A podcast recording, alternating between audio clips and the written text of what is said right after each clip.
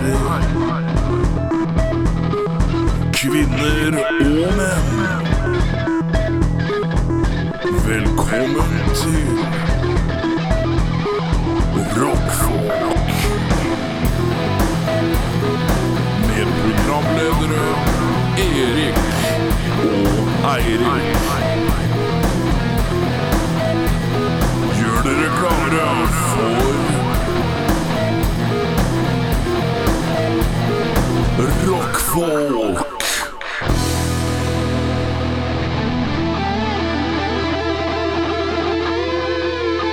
Bestemte?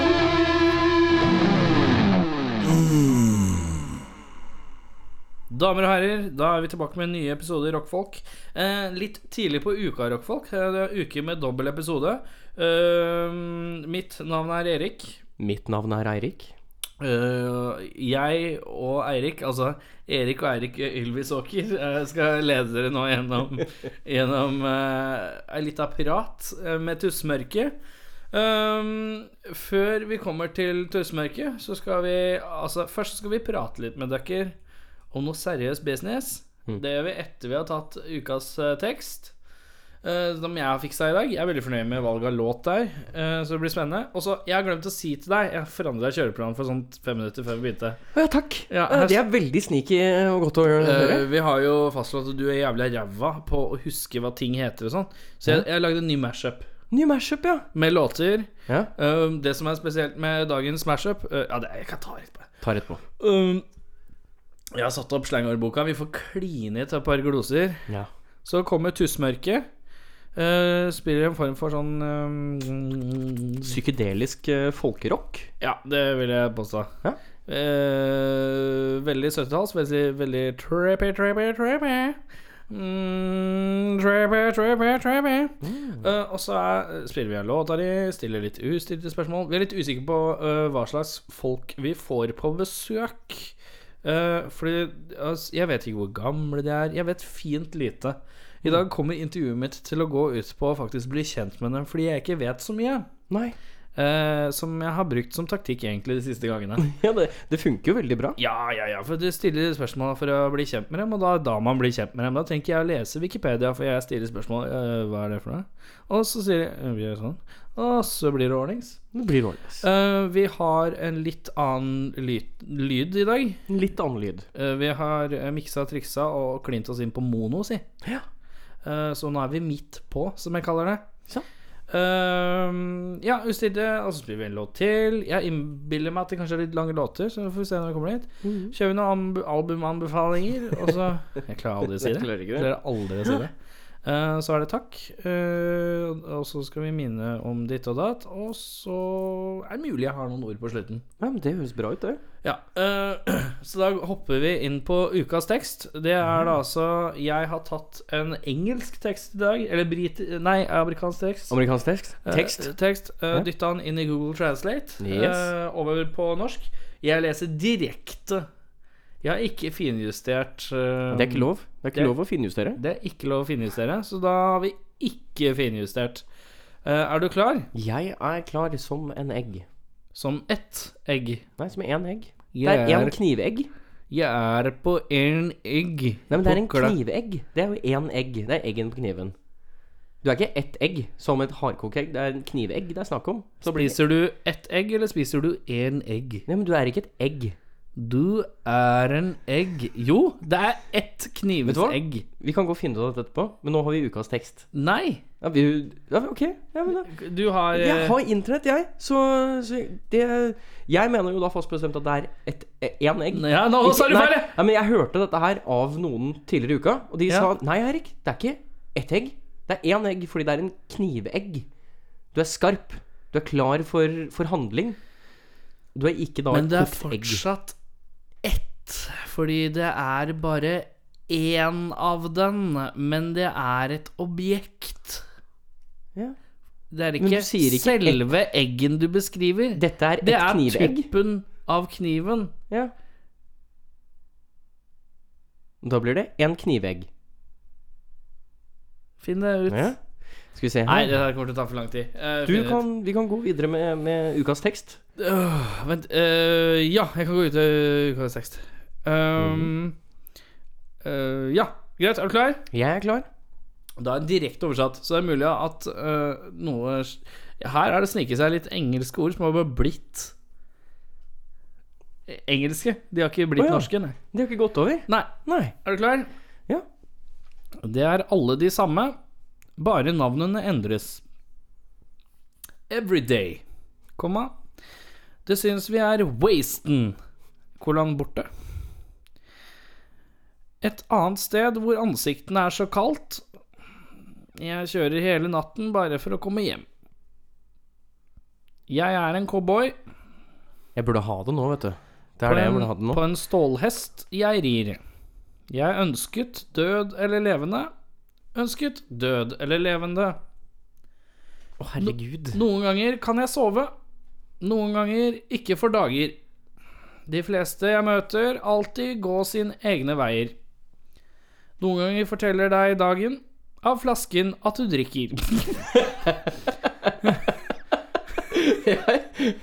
Og tider når du er helt alene, alt du gjør er å tenke Jeg er en cowboy, på en stålhest jeg rir, jeg ville, kolon, ville, død eller levende.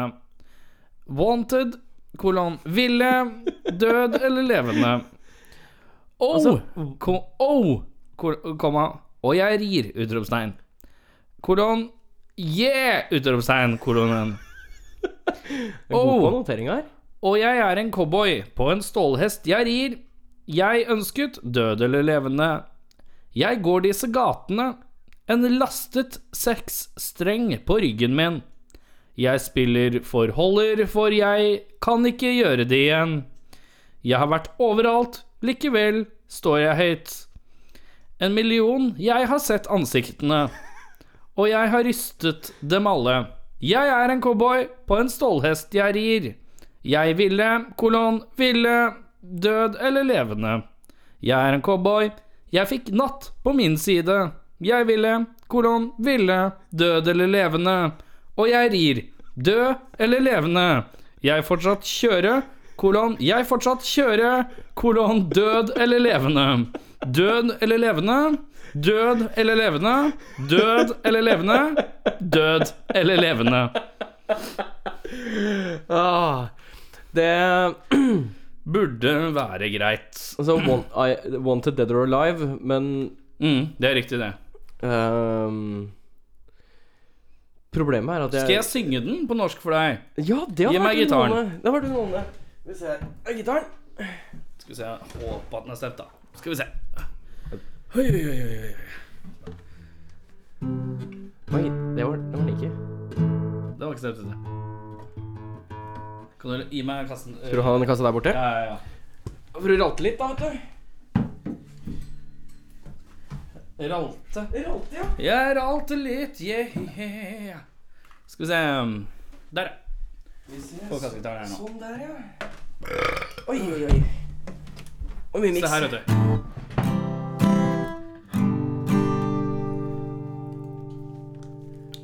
Skal vi se, blir det her jævlig høyt nå? Jeg vet ikke. Jeg må bare sjekke lyden her, da. Sånn. Det blir fint, det. Ikke all. Akkurat spist middag. Mhm. Skal vi se.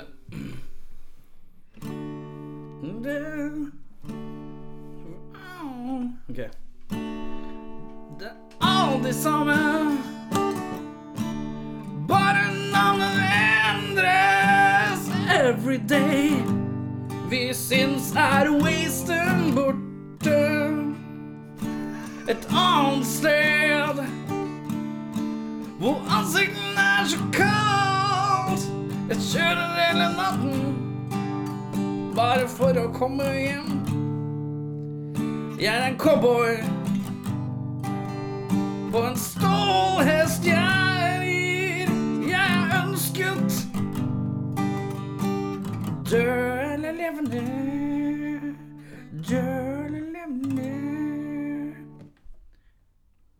Mer? Eh, nei, det går helt fint. Jeg, jeg, jeg Det um, Altså, jeg, jeg- vil gjerne bare synge den siste delen, for jeg syns det var så fint. Det var veldig fint i stad. Ja. Jeg går disse gatene En lastet seksstreng på ryggen min Jeg spiller forholder for jeg kan ikke gjøre det igjen. Jeg har vært overalt. Likevel, jeg står høyt. En million har jeg sett ansiktene, og jeg ristet dem alle. Jeg er en cowboy på en stålhest jeg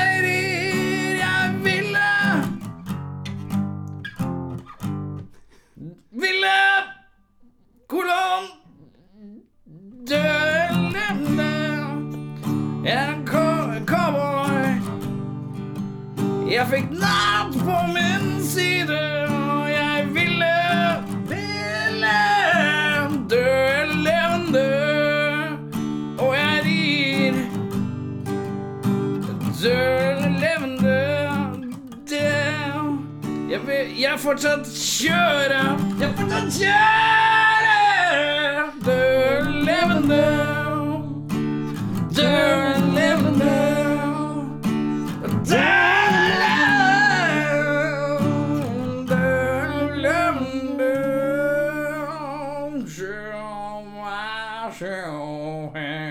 Det beste er jo når det er eh, det er Jeg vil Jeg ville Ville. Koringa syns jeg er fin. Um, du kom ikke fram til det, bortsett fra at Wanted Dead or Alive. Den er ganske åpenbar. Den er åpenbar, og, og artisten er Den er ikke åpenbar for deg. Oi. Oi, det var, det var rett i mikrofonen. det. Direkte i mikrofonen. Um, ja, det var um, Bon Jovi. Er det Bon Jovi? Bon Jovi. Jeg, har faktisk aldri vært en stor Bon Jovi-lytter. Aldri vært noen som har tvunget meg til å høre på Bon Jovi heller. Nei, det burde noen gjøre, fordi at det er mm. Mm. Du, du, du, du hører på rockfolk. Det som kommer til å skje 5. mai, må vi prate litt om. Ja. Uh, 5. mai, uh, hvis det er noen som følger med på Facebook, uh, så er det at vi skal ha en lavshow. Lavshow. Show. Show. Show. Det er billig lavshow for each other publikum og eh, folks out there in the great America. Uh, we have show for you lined up. Uh, Eirik and Erika Ylvisåker. Oh, we, we, we, great, great time we have, yeah. Yeah. Um, vi skal ha rett og slett et liveshow. Det blir jo å kaste seg ut med huet først. Uh, vi skal ha det på Maxitaxi. Maxitaxi? Jeg skjønte ikke hvor det var, jeg har ikke, eh, men så googla jeg det, og så fant jeg ut det er jo ved siden av Blitz der. Ja. Er det det som pleide å være sykt nekro metal-stedet? Unholy, ja. Unholy, ja. Yes. Husker jeg var der en gang, så så jeg ingenting. Og så bare var alle sykt metal, og så var det bare Les fra det grimme Jeg tror det er en av de siste barene i Oslo som, eh, som ga seg og, og la seg flate til røykeloven. For der var det sånn at hvis du gikk ned der uh, Men det var jo ikke Unholy. Unholy varte jo bare en liten periode. Før det så het ja, noe Før det annet så var det noe annet. Uh, men jeg tror Det har vært en sånn rullerende dør av steder som har vært der, men det har alltid vært et sted der. Ja. Alltid vært en bar i en kjeller hvor det er mørkt. Og det er vanskelig å se. Men har du spilt der? Jeg har spilt to, to tre, fire, fem ganger. Men som dere, eller med noen som har, har noen andre ordna det, eller har du ordna? Det er som regel jeg som har vært og fiksa, ja. Det koster penger? Det har ikke jeg tenkt på. Nei, det gjør ikke det. Må vi betale for å spille her? Nei. Ok. Har de lydmann, eller er det bare rett ut av alt? Eh, vi, eh, vi kan kjøre lydmann. Eh, Ok. de, de pleier å stille med en lydmann, og så kommer de, kommer de etterpå. Sier, du, sier de, enten så sier de fra på forkant, Ja. eller så sier de sånn Ja, det hadde vært litt koselig om dere ga lydmannen et par kroner. ja, ok, greit. Fordi jeg tenkte at øhm, inngang i dør og sånn Vi har ikke satt noe pris på sånne ting. Nei. Jeg vil jo helst øh, gratis. Ja, jeg tenker det, jeg også. Men øh, får vi til det rent økonomisk? ja, jeg tror det. Tror du det? Legger, er du breial nok til å si det? Jeg er ganske breial nok til å si at det burde gå problemfritt. Ok. Ja. Men vi garanterer det ikke, men hittil s- så er det gratis. Hittil så er det gratis. Så da håper jeg at i hvert fall 300-400 andre kan ta seg av eh, interessert eh, haka på Facebook, for den, den er det bare gøy å bruke. selv, men når man er i andre enden av et eh, opplegg og prøver å sette opp noe, så jævlig kjekt å vite hvor mange som kommer. Ja. Sånn cirka, i hvert fall. Hvis du, hvis du Og nå er, det jo, nå er det jo et deprimerende anslag med mennesker som har meldt seg på. Det Altså, er det... 11 eller 14 eller noe som sier ja, ja, vi kommer. Og så er det øh, 3698 som sier ja. Ja, det er det vi ser, i hvert fall. Vi Ja. ser, ja. Det er jo det største sånn for, for dere som aldri har prøvd å sette opp en konsert. ja Så eller er det et det arrangement. Eller ar- arrangement, så er det det største marerittet. Det Ja. er det at du ser eh, Du vet ingenting før, før kvelden kommer, og så plutselig så dukker det opp kanskje 200 eller 10. Ja. Eh, så for at vi skal yte maksimalt for dere og kunne planlegge litt kult, så er det kult hvis det kommer litt flere også. Eh, så vi har gjort en helaften ut av det for alle parter. Eh, vi har jo litt tanke på hva vi skal gjøre. Ja. Eh, vi kan jo si Vi kan jo røpe at vi skal trylle. Vi skal trylle. Vi skal ha vi, vi, Det er lov Ja, vi kan si det Fra nå er det lov å begynne å øve på trylletriks. Oi! Fra nå Fra nå er det lov å begynne å try, uh, uh, trylletriks. Uh, har du tenkt å ha tulletrylletriks? Jeg vet ikke ennå. Nei, du har Det- ikke bestemt deg, nei. Det kan være at jeg skjærer noen i to. Det kan være at jeg bare trekker tommelen av noe. For å si det sånn, eh, kommer det 50 pluss, så skjærer vi noen i to. Det gjør vi. Da skjærer vi noen i to, ja. Eh, eller lignende. Da blir det spektakulært. Da blir det da Ut fra det hvor mange kommer, så tenker jeg at eh, det blir sånn kickstarter-backer. Altså sånn eh, hvis, vi får, hvis vi får 15 som sier at de kommer, og kommer ja, så 15 gjør- tror jeg vi har. Ja, ja ok. ja, men det- 50 hvis, snakker vi. hvis vi sier 50, da. Hvis det kommer 50, så da Ja, da gjør du noe magisk. Da gjør jeg noe magisk. Uh, og jeg ja, Jeg gjør også noe magisk. Ja. Hvis du kommer 60, Mm. uh, da uh, må Erik prøve å stå på hendene på scenen. Åh, for så jævlig mye Nei, det kan bli sk Ja, ok. Tør du det? Tør du det? jeg kan Du kan stå på opp mot veggen, og Nei, men jeg vil, ikke jeg vil ikke være en klovn. Sånn skal det ikke fungere. Innafor gitte rammer. Og Innenfor gitte gitte rammen nå var trylling. Vi kan love et spektakulært trylleshow. Ehm, uh, og det, det går ut på at du og jeg skal ha hvert vårt trylletriks i løpet av showet, da, som vi kommer til å, å fremføre Ja. for det gode rockfolk. Mm. Ehm, annet. Vi, vi, har, vi har ikke gitt ut så mye premier i det siste, fordi at uh, vi, har, vi har vært dårlige på det. Og for det andre er at fordi vi har spart opp til Life-show. så vi har et berg av premier. Mm. Uh, og, og terskelen på konkurranser kommer til å være lav. Ja, det er ikke mye du trenger å kunne. Det kan nesten være at vi bare sier Er det noen folk her? Og den som sier ja først, den får en T-skjorte. Ja. Det, Vi- vi altså, trenger- det er lav sko. For vi har en jævlig haug. Vi har CD-er, og vi har vinyl, og vi Fy faen, vi har brå T-skjorter i huet og ræv. Er det et band Det kommer som, mer T-skjorter i dag også. Er det et band som du har likt, som har vært innom her, så har de mest sannsynlig lagt igjen noe? Ja, ja, ja. ja. Og hvis du kommer på vårt show og har lyst på en gratis T-skjorte Ja, ja, eller en, en skive eller kanskje begge deler fra den artisten, ja, ja. så stiller du opp, ja, ja. og så hiver du deg på når vi begynner å rope. ja, ja. Ja, ja. ja, ja. ja, ja. Ehm, så kom, da. ja. Sett dere på skall. Og vi skal begynne litt tidlig òg, så de som skal på konserter eller hjem og ha sex, eller de som skal bare hjem og få med seg en ny episode av Walk on Dead, uh, kan få lov å gjøre det asap Ja. etter det. Det blir ikke en lang aften, for det er på en torsdag. Ja. Uh, så, men vi tenker vi begynner sånn halv åtte-åtte. Det tenker jeg er sånn koselig tidspunkt. Så, så blir vi ferdig sånn halv ti. ja. Halv ti, kvart på ti. ja. Og så skal vi ta det opp, og det er jævla trist å ha en livesending, og så er det én person som sier «Wow!» Bakerst. Det er ikke så kult. Um, ja. Uh, nok om det. Vi skal lage reklame. Ja. Uh, det, det må vi få gjort snart. Det kommer mer jo nærmere vi kommer 5. mai. Jo nærmere kommer, kommer nærmere skal. Yes. Yes. Uh, nå eh, skal jeg spille av en mashup-låt. En mashup-låt? Nå skal jeg spille en mashup-låt uh, av en fyr som Dette er litt funky, for jeg, måtte, jeg spurte han på Facebook. Jeg snubla over på YouTube Så snublet jeg en video av en sånn fyr som spiller metal cover songs. Som uh, han, han, han gjør en god innsats på det, liksom. Eh, bruker mye energi på det. Han heter Leo. Han eh, jobber i Leap, Leapfrog Studios, eller Frogleap Studios, et eller annet sånt ute på Vestlandet. Uh, Shout-out til Leo, liksom. Han har et sånt langt uh, etternavn på Morocco Chili Chili I Frogleap Studios, tror jeg den heter. Eller Leapfrogs. Hva gjør du nå? Jeg sjekker Leapfrog Studios.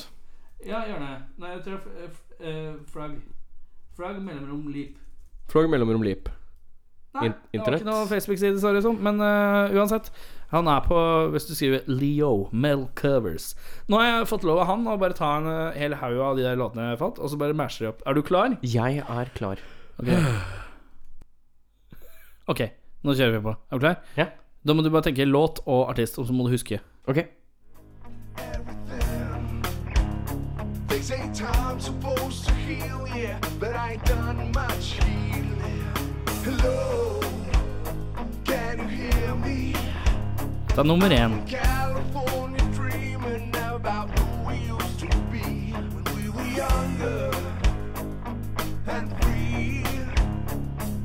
Forgotten how it felt before the world fell at our feet. There's such a difference between us and a million miles.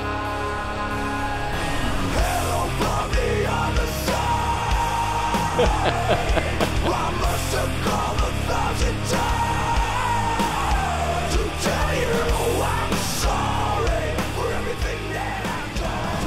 beat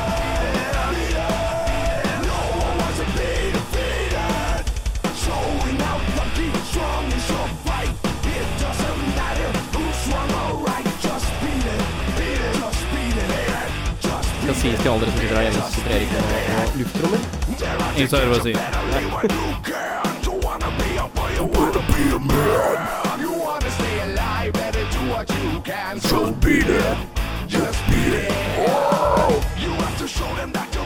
Nå kommer neste lån. Hvor neste? Nummer tre. Tre.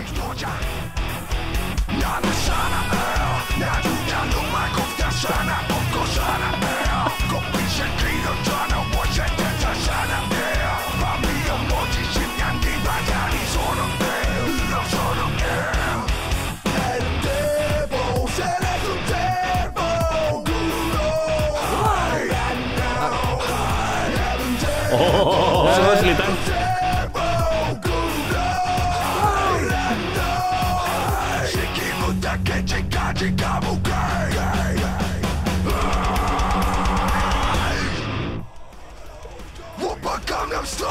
Ja, det var den der, ja.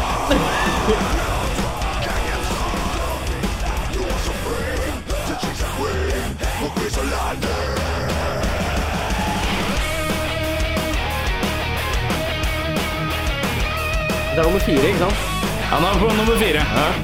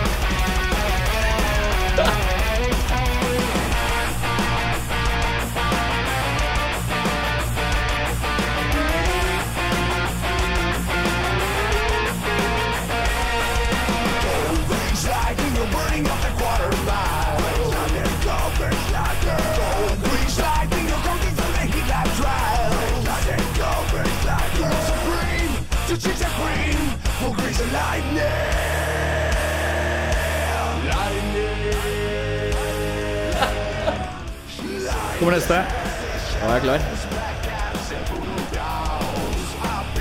premonition gonna make me fall.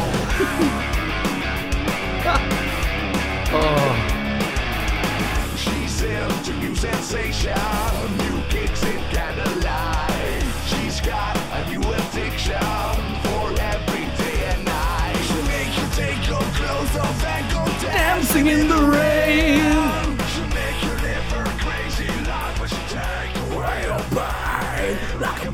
to the brain. Gave me tuition, to And after he's been knocked out, they don't want the sun is hard Oh, oh, oh.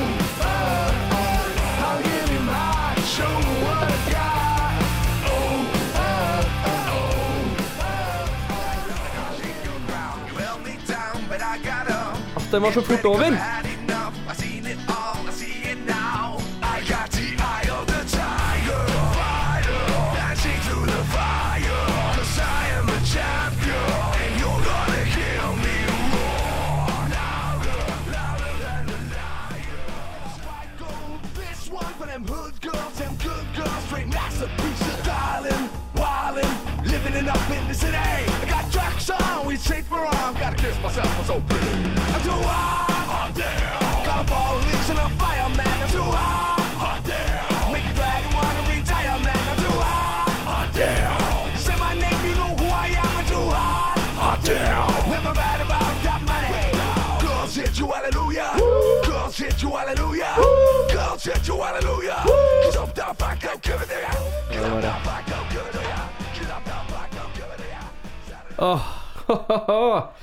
Det var en ekstremt god mashup.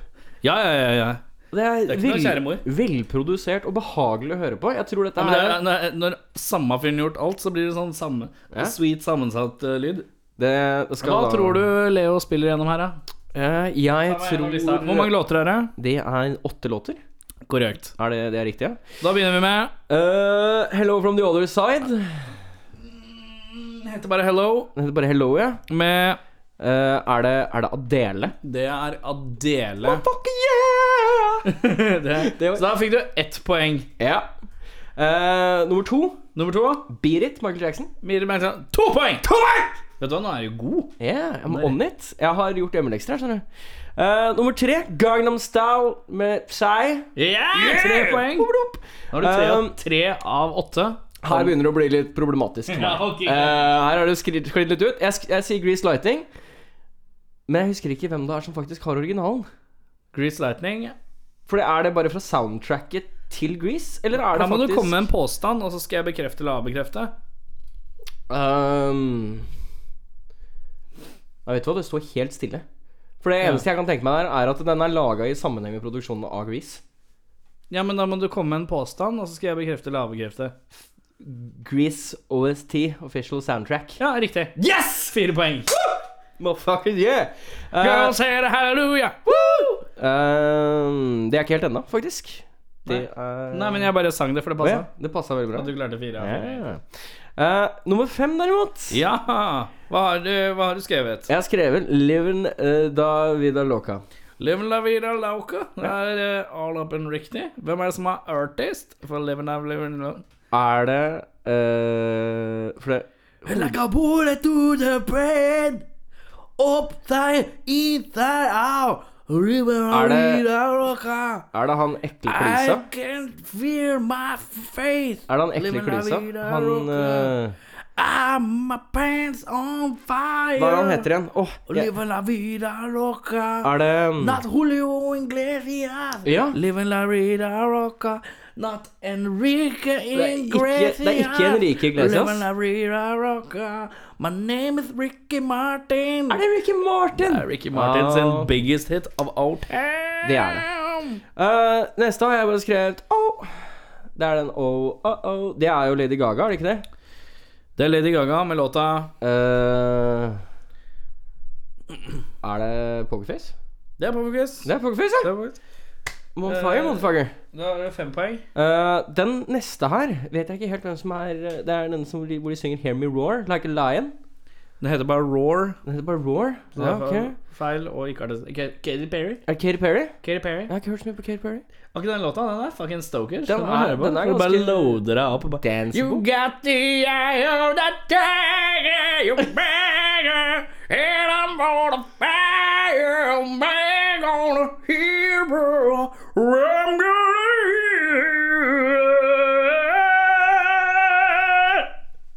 Det er akkurat sånn det Nå fikk jeg en idé. La meg Jeg skal beskrive dette her, jeg. Uh, Skal jeg synge karaoke? Uh, Nesten. uh, det er bra.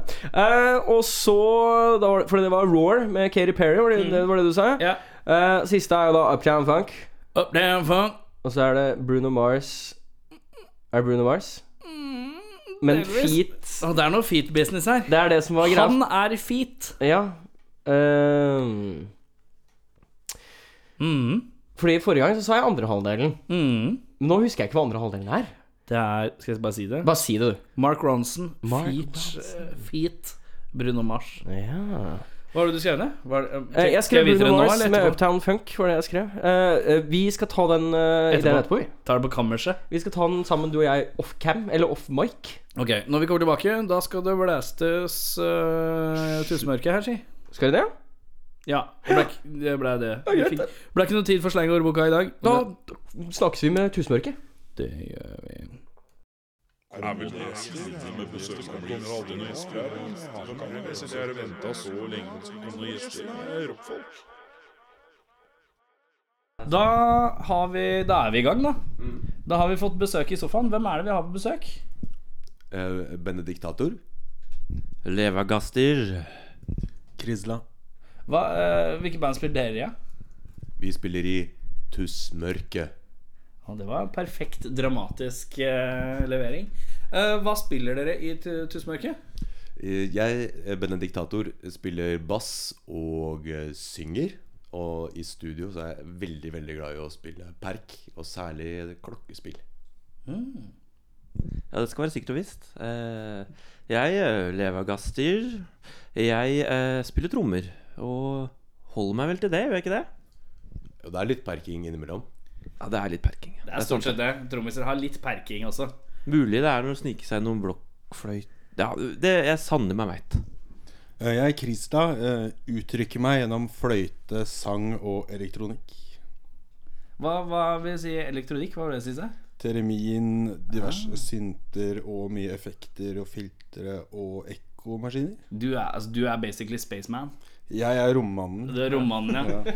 Det er litt moro å være rommannen. Ja, det er en rompirat. Det går seg aldri ur. um, da må vi prøve å sno oss tilbake til starten. Uh, hvem starta hva? Med hvem? Hvor? Når? Hvordan? Uh, ja, dette er en historie som jeg har fortalt en del eh, ganger, og det kan bli veldig, veldig langt. Vet du hva, vi har god tid, men du kan gjerne prøve å stramme det litt inn i Kortversjonen er Ja. at eh, jeg og brutter'n, altså Krisla, vi spilte i et uh, psykedela-band i Skien for eh, lenge, lenge siden i en eh, mørk tidsalder som heter 90-tallet. Å ja, jeg har hørt om det. Ja. Og da eh, hadde vi eh, et psykedela-band som het Captain Cumulonimbus and His Wondrous Cloud Ship. Selvfølgelig heter det. Ja, og, og da hadde vi eh, etter hvert et behov for å gjøre noe ved siden av det, da som skulle være en trio inspirert av disse her hjørnetrioene som man gjerne ser i middelalder-spoofs som eh, Monty Python og Black Adder. Ja. Sitter alltid noen i hjørnet og spiller. Eh, vi ville gjerne være de, de som satt i hjørnet og spilte, da så vi lagde et akustisk band uh, med meg på en nylang gitar, og så hadde vi en kompis på bongos, og så Krisla på fløyter. Um, og så Jeg liker at du sa fløyter. ja, det var, var flere enn én. Det var uh, blokkfløyte, og så var det denne her uh, tinnfløyte. Sånn blikkfløyte. Så det var, uh, det var veldig stas. Holdt på med det i ganske lang tid. Spilte flere konserter, egentlig. Kanskje det beste vi gjorde, var en konsertserie hvor vi blei um, støtta Eller vi fikk noe støtte fra noe som het Servicebyen Skien, for å spille på kjøpesenteret. Å ja. Fordi på den tida her da Så var det i, i Skien så hadde du liksom, Du hadde Sputnik Som var jævlig svær Og så hadde du Varden Busk-talentene Med Jannik eh, i spissen som barnestjerner Okay. Og de spilte på kjøpesenteret Og så hadde vi en kompis som var litt eldre Som eh, sa at uh, Dette å spille på kjøpesenteret er gyllent Fordi at folk flest bryr seg ikke om musikk så hvis du kommer på kjøpesenteret Og så står noen og spiller Så hører de Å, er det det som er musikk? Ja, kanskje vi skal kjøpe noe med det og ta med noe hjem av musikken. Du legger liksom en form for aksje da i, i tomme hjerner, på en måte. Ja, For her har du musikk. Dette Ja. er fasit. ja. Så går de der, så ananas, bleier og tussmørke. Ja. Tar de med seg hjem. Eh, så da satt vi rundt juletider og spilte. Da Hadde vi med en kompis som også drev og gjøgla da, med vekslende hell. Eh, Sjonglerte med noen kuler. Som, han kunne ikke det helt, da men han prøvde. Ja. Og så ble vi jagd, da. Til slutt, Vi ble jagd av eh, Narvesen-damene. Fordi at i Skien på den tida, hvert fall, så var det sånn at uh, de som jobba på Narvesen, pusha 60. Ja. Eh, fordi at det var en jobb du fikk, og så holdt du på den resten av livet. For det er veldig høy arbeidsledighet der. Ja. Så det er ikke sånn at det var sånne unge jyplinger som jobba der. Og gamle, veldig ærverdige damer som jobba på Narvesen. De kom og ba oss om å pakke sammen, fordi at eh, nå var det før jul, og det skulle ikke være noe sånn bongomusikk eh, før jul. Eh, for da skulle det være julesanger. Og det var altfor eksotisk og utenlandsk, da så vi ble bedt om å pakke sammen. Og han sjongleringskompisen vår, da han konfronterte Narvesen-dama med å si sånn Ja, du virker veldig sint. Har du vondt inni deg nå? ja, det pleier å hjelpe. Ja, ja, så da ble vi i hvert fall kasta ut. Da. Så da måtte vi pakke sammen. Men var det, var det på det tidspunktet her Var det mer eh, folk, eller i, i forhold til psykerocken? Var, det var det da fokus bare på Ja, den derre Monty Python-trioen-aktig Hvor vi er eh, ren eh, middelalder eh, Jeg vet ikke hva jeg skal kalle det engang. Eh, Middelalderfolk, liksom? Vi var veldig inspirert av alt som hadde å gjøre med irsk folkemusikk og Ja. Men pga. mangel på ferdigheter så ble det liksom minimalistisk folk. da Og mer sånn utflytende, veldig mye repetisjoner av, av figurer og riff. Ja. Fordi felles valg folkemusikk er at det er ekstremt konkurranseorientert. Det er om å gjøre å spille fortest og høyest og vanskeligst. Og det var ikke vi helt på høyde med. Så vi var veldig inspirert av selvfølgelig mye originalmusikk, men også av svenske band. Sånn som Adam på Subliminal Sounds. Labelet er kanskje mest kjent som labelet til Dungen. Men de ga også ut en god del sånn esoteriske, folkorienterte ting på 90-tallet. Sånn eh, med mm, forbindelser til Oto og sånn. Ordo Tempel Orientis. Så det digga vi, og så hørte vi på alt som hadde ikke, litt annerledes instrumentering. Litt Hva med, sånn- hva med hvis jeg sier Focus? Ja, Focus er et, eh, et kjært band, men bare nevne det med, med det Exotic Sound-labelet som ble til Subliminal uh, Jo, Subliminal Sounds. Sub, ja, det er ikke Sublime Frequencies, som også er et kvalitetslabel, men Subliminal Sounds. De hadde først og fremst uh, ST Michael. Altså St. Michael, som noen Ja. tenker. Men det, det var veldig bra. Og Entheogens. Så liksom når vi hadde fest, da var det først så så vi Eksorsisten, og så dansa vi til Entheogens. Uh, vi hadde uh, mystisk nok kjærester, ja. men de, de så bare på og gikk annensteds til vi hadde dansa fra oss, da, fordi det ble for, for ute. Men vi levde i vår egen lille boble, vi tre tusenmørke-gutta. da ja. Vi drev en Ja, for det høres jo veldig Altså, en ting er å, å, å digge uh, uh, Digge um, litt sånn klassisk 70-tallsrock som har disse her innflytelser, disse også. Men det å digge uh, selve det er ikke fullt da, da skal man litt tilbake i tid, føler jeg. Som- veldig, jeg tror ikke det er så mange som popper opp uh, så mye eh, middelaldermusikk nå. Kontra kanskje ja, de som lot seg inspirere da, på sånn 60-70-tallet. Men, men det, det som også var veldig inspirerende for oss, var jo eh, de gamle platesamlingene til foreldrene våre. Ja, Som var ekstremt mye 70-tallsrock, selvfølgelig, men også mye folkemusikk. Mye sånn gnålete irsk eh, pubmusikk med sånn ordentlig mye host og hark. Mye gamle kassetter sånn som fatter'n hadde fra da han studerte folkeminne. Han var også kompis med bandet Folk. Eh, studerte med dem. Så vi fikk mye, mye innflytelse derfra. Så er det klart det er et, eh, en type musikk som er ideell for å underholde på, på supermarkeder og, og kjøpesentre. Det er ikke så høyt. Det er ikke noe masete gitar. Og den der lysten til å spille uten rockegitar har jo vært der hele tiden. Og det er den dag i dag. Ja. Jeg holdt på å si at det skyldtes jo veldig mye han uh, Nei, stakkar, han får jo alltid gjennomgå. Men det, det, det skyldtes jo en, en gitarist som hadde en veldig eh, utagerende sologitarstil. ja. Hvor jeg spilte rytmegitar og etter hvert ble lei av å backe disse endeløse soloene. Så ble det etter hvert at jeg um, heller spilte først kassegitar, og etter hvert gikk over til bass. ja. Uh, så vi har jo aldri noe sologitar uh, i de vanlige Tusenmerkelåtene. Nå har vi faktisk spilt inn ei barneplate nå, hvor vi plutselig drar inn fullt sologitar allikevel, da, fra en annen Men det er fordi unga vil ha gitarsoloer. Ja, Kidsa. ja kidsa må få gitarsoloene de higer etter. Det er viktig. Men uh, Levegasser har jo faktisk spilt ekte middelaldermusikk, han til forskjell fra oss som har spilt mer sånn fake folk. Ja, altså på samme tida som de har holdt på rundt i Skien, eller la oss si to-tre år uh, seinere, for jeg er litt yngre. To-tre år, tenker jeg. Så oppdaga jeg band som uh, britiske Griffin, som da spilte liksom med krumhorn og blokkfløyter og sånne ting. Og oppdaga også folkrocken og sånn. og dette her, det, det prega meg såpass at uh, min grunnutdanning er rett og slett middelalderhistoriker. Da. Ja, Jesus Christ. Eh, og så, eh, i forbindelse med det, så møtte jeg da eh, sånn middelaldermusikkmiljø på Blindern. da Ja. Så jeg har jo spilt åtte-ni år sammen med en kar som heter Sverre Jensen, som stifta det første ordentlige middelalderorkesteret i Norge, da, som heter eh, Kalenda Maya. Fikk Spellemannsprisen og, ah, ja. og litt sånt. Så det var, det var kult. Ja. Litt sånn Ja. Nei, jeg bare Dette her Altså, vi har jo hatt en del band innom her, og, og, men vi har aldri hatt eh, t- Jeg vet ikke Hvordan definerer dere dere sjøl? Hva kaller dere dere sjøl? Du sa fake eh, folk. Fake folk, ja. Altså, vi er, eh, vi er først og fremst et progrock-band, må Ja. vi jo innse etter hvert. da Vi var jo voldsomt into progrock før, og så Ja. tenkte vi liksom da vi gjenoppliva Tussmørken i 2009 at uh, det skulle være noe sånn veldig mye mer åpent. Mm. Fordi da hørte jeg masse på Current 93.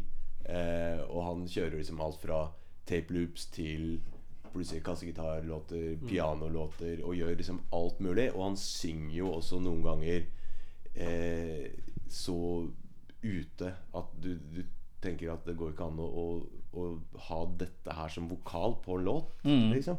Eh, men det ga en så veldig frihetsfølelse, da. Ja. Eh, så da ble det den greia med elektrisk bass. En ny fyr på, på perkusjon, da, litt sånn hjemme og sånn, og så tverrfløyte. Mm. Men så, så gikk vi jo da fra å spille en veldig sånn freak-folk-greie til å bli mer og mer et prog-band, og fikk med, fikk med Levagastir um, på trommesett, og da ble det mer den derre eh, prog-soundet, da. Man øker jo en viss groove eh, på det. Ja, Ja. ja. Men vi spilte jo mange konserter som sånn, i det trioformatet. Altså elektrisk bass, eh, djembe og tverrfløyte. Mm. Og mange likte jo det mye bedre enn en det vi blei seinere. Mm. Jeg kan jo bare bekrefte at det var jævlig kult. Jeg var tilfeldigvis på et par av de konsertene, og det var eh, Det var nesten så jeg ble litt sånn lei meg når jeg ble med. For da forsvant det noe, og så låt jo ikke det så bra med en gang, selvfølgelig. Nei, riktig. Så vi ble jo litt dårligere selvfølgelig den første måneden eller to. Men så kom det seg noe, noe fryktelig, da. Nå er det så jeg på nå. Men uh, vi hadde jo kanskje historiens største what the fuck-faktor på konserten, debutkonserten. Aldri spilt eh, ordentlig live før. På prog-festival oppe på eh, Altså på studenthjemmet oppover mot Sogn der. Sogn studentby, på Amatøren. Da spilte vi sammen med Wobbler og Tusen Nei, dere var Wobbler var DJs. Og så var det Fader Robin, og så var det Panserpappa. uh, og det var da å komme med djembe og liksom frika fløyte og bassgitar da, og også med flotte klær vi hadde kledd oss ut i. Ja. Det, var veldig få skulderklapp etter den konserten. Altså. Det, jo, det er jo en veldig ærgjerrig gjeng. Eh, deler av de, eh, de gutta som arrangerte den konserten. Og jeg, da vi gikk på, så hadde jeg plugga i bassen i feil eh, feilinga. Jeg bruker en Rickenbacker. Så da brukte jeg Så jeg hadde jo bare én mic, da. Så det funka som en sånn ekstra tynn lyd. Og så ikke øvd noe særlig med mikrofon, da for vi spilte jo bare hjemme i stua. Da sang vi bare ut i stua. Ja, så var ikke vant til å synge med mic, så det var jo ganske surt. Og fant ut på lydsjekken at herregud, den ene låta her må vi jo bare kutte. For det låt jo, det låt jo så surt. Så vi liksom spilte liksom et litt sånn kortere Kortere sett. da Bare gutsa på, liksom. Jeg husker jeg dro til den konserten i eh, full sminke og i kappe. Eh, Jeg hadde på kostyme, da. Ja. På banen, liksom. Å ja. ja. Det var ikke noe Eh, skifte når du kom fram. Det var Nei, det, jeg måtte, måtte liksom For at det, det hadde gått så lang tid. For da vi holdt på med den første inkarnasjonen av Tussmørket, så gikk vi på videregående. Ja. Og så brøt det sammen. Og så hadde vi alle mulige andre bandprosjekter i ettertid. Ja. Men i 2009 så, så ble det liksom å ta det tilbake. Og så tenkte jeg så Hadde jeg gått på videregående nå, så hadde jeg bare gått i kappe og gitt faen. Ja, ja. Så hadde jeg jo blitt på en måte voksen i mellomtida. Liksom. ja, ja. Og hadde ikke liksom helt sånn Så jeg hadde ikke tatt inn over meg hvor mye av en prøvelse den baneturen kom til å bli. da Og det var helt jævlig, fordi folk begynte å kommentere. da Liksom unge, Mye yngre mennesker som sikkert gikk på videregående. Ja. De hetsa meg jo, ikke sant. For der sitter jeg i den sure kappa mi liksom, med sminke. Og noen instrumenter og Jeg tror til og med at jeg satt og drakk, drakk Munkholm. Ikke sant? Og stakk meg relativt uh, ut. Jeg angra skikkelig på at jeg ikke bare pakka det kostymet og, um, og skifta da jeg kom Ja, fram. Da. ja. Det, er, det er rart. altså Vi bruker jo mye kostymer og, og sminke og, og sånne ting. Og ofte så er det jo sånn hvis vi er på spiller konsert på dagtid, f.eks. i en platebutikk, da så må du plutselig av gårde og hente noe. da Så du har glemt å kjøpe noe, så du må stikke og kjøpe et sitt batteri. da Ja, ja. På Rema. Liksom. Gå liksom gatelangs med kostyme. Det er på en måte Det går. Ja, ja. Men det er eh, Det er rart. Jeg husker en gang at jeg tenkte til og med at jeg, nå må jeg ta med meg en ledning så det ser ut som jeg er på vei til konsert. ja. Rent Da er, da er det ikke så awkward. Men det er jo morsomt at du, at du Skulle du skyte inn noe først?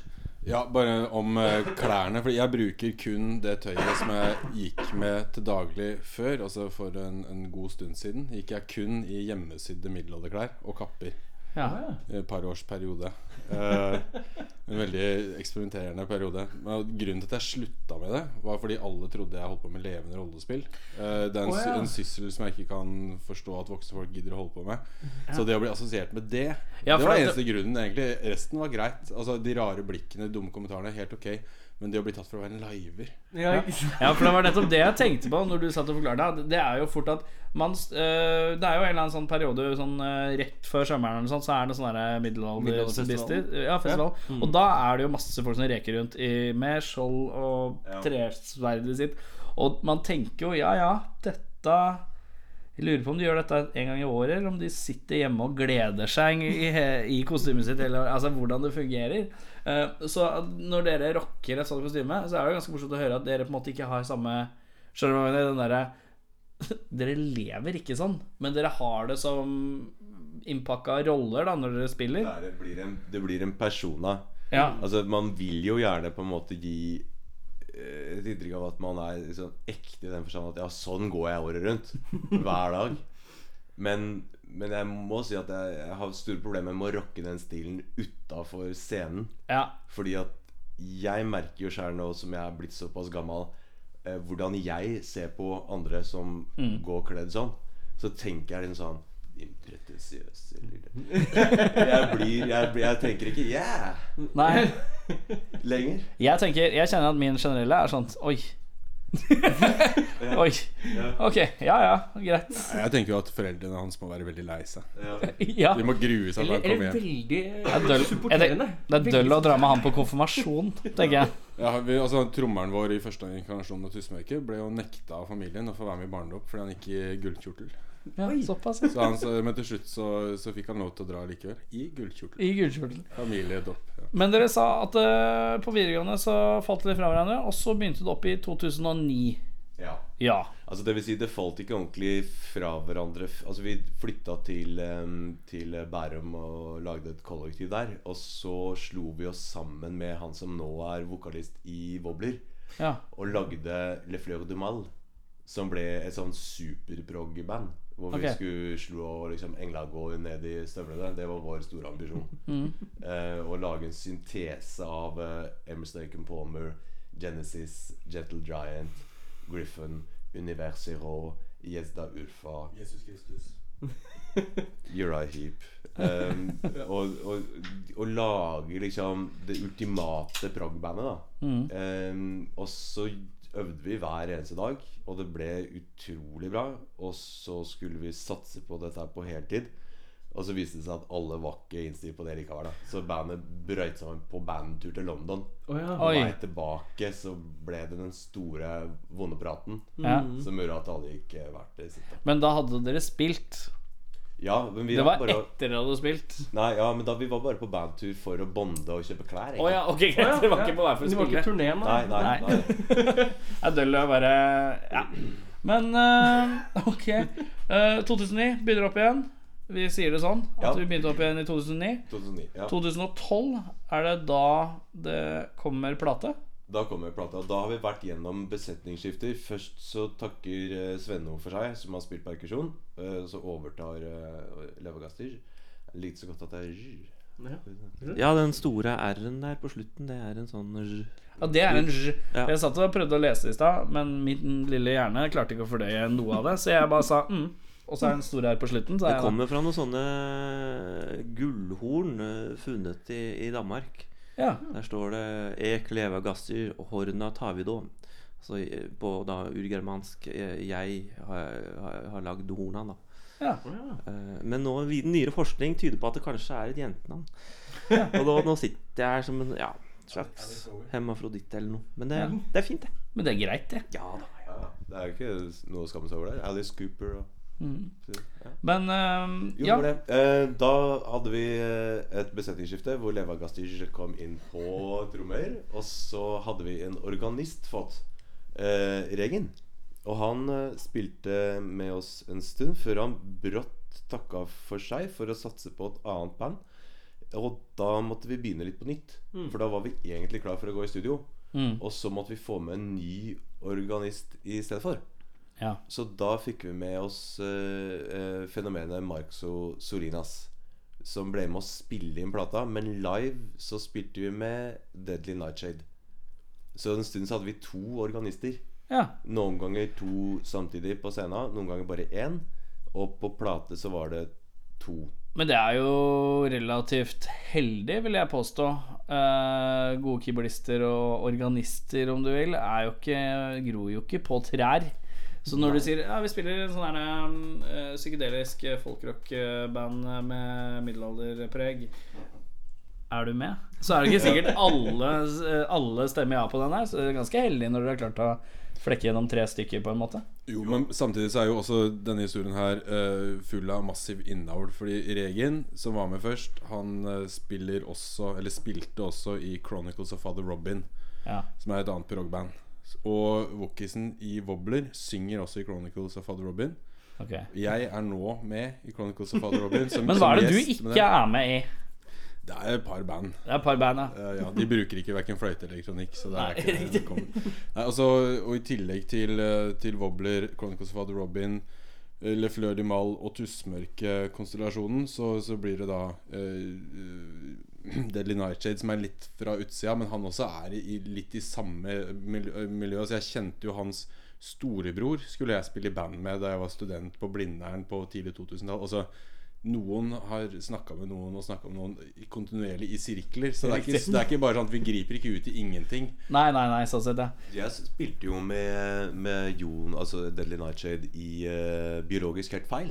Og det var der jeg spilte med Svenno først òg.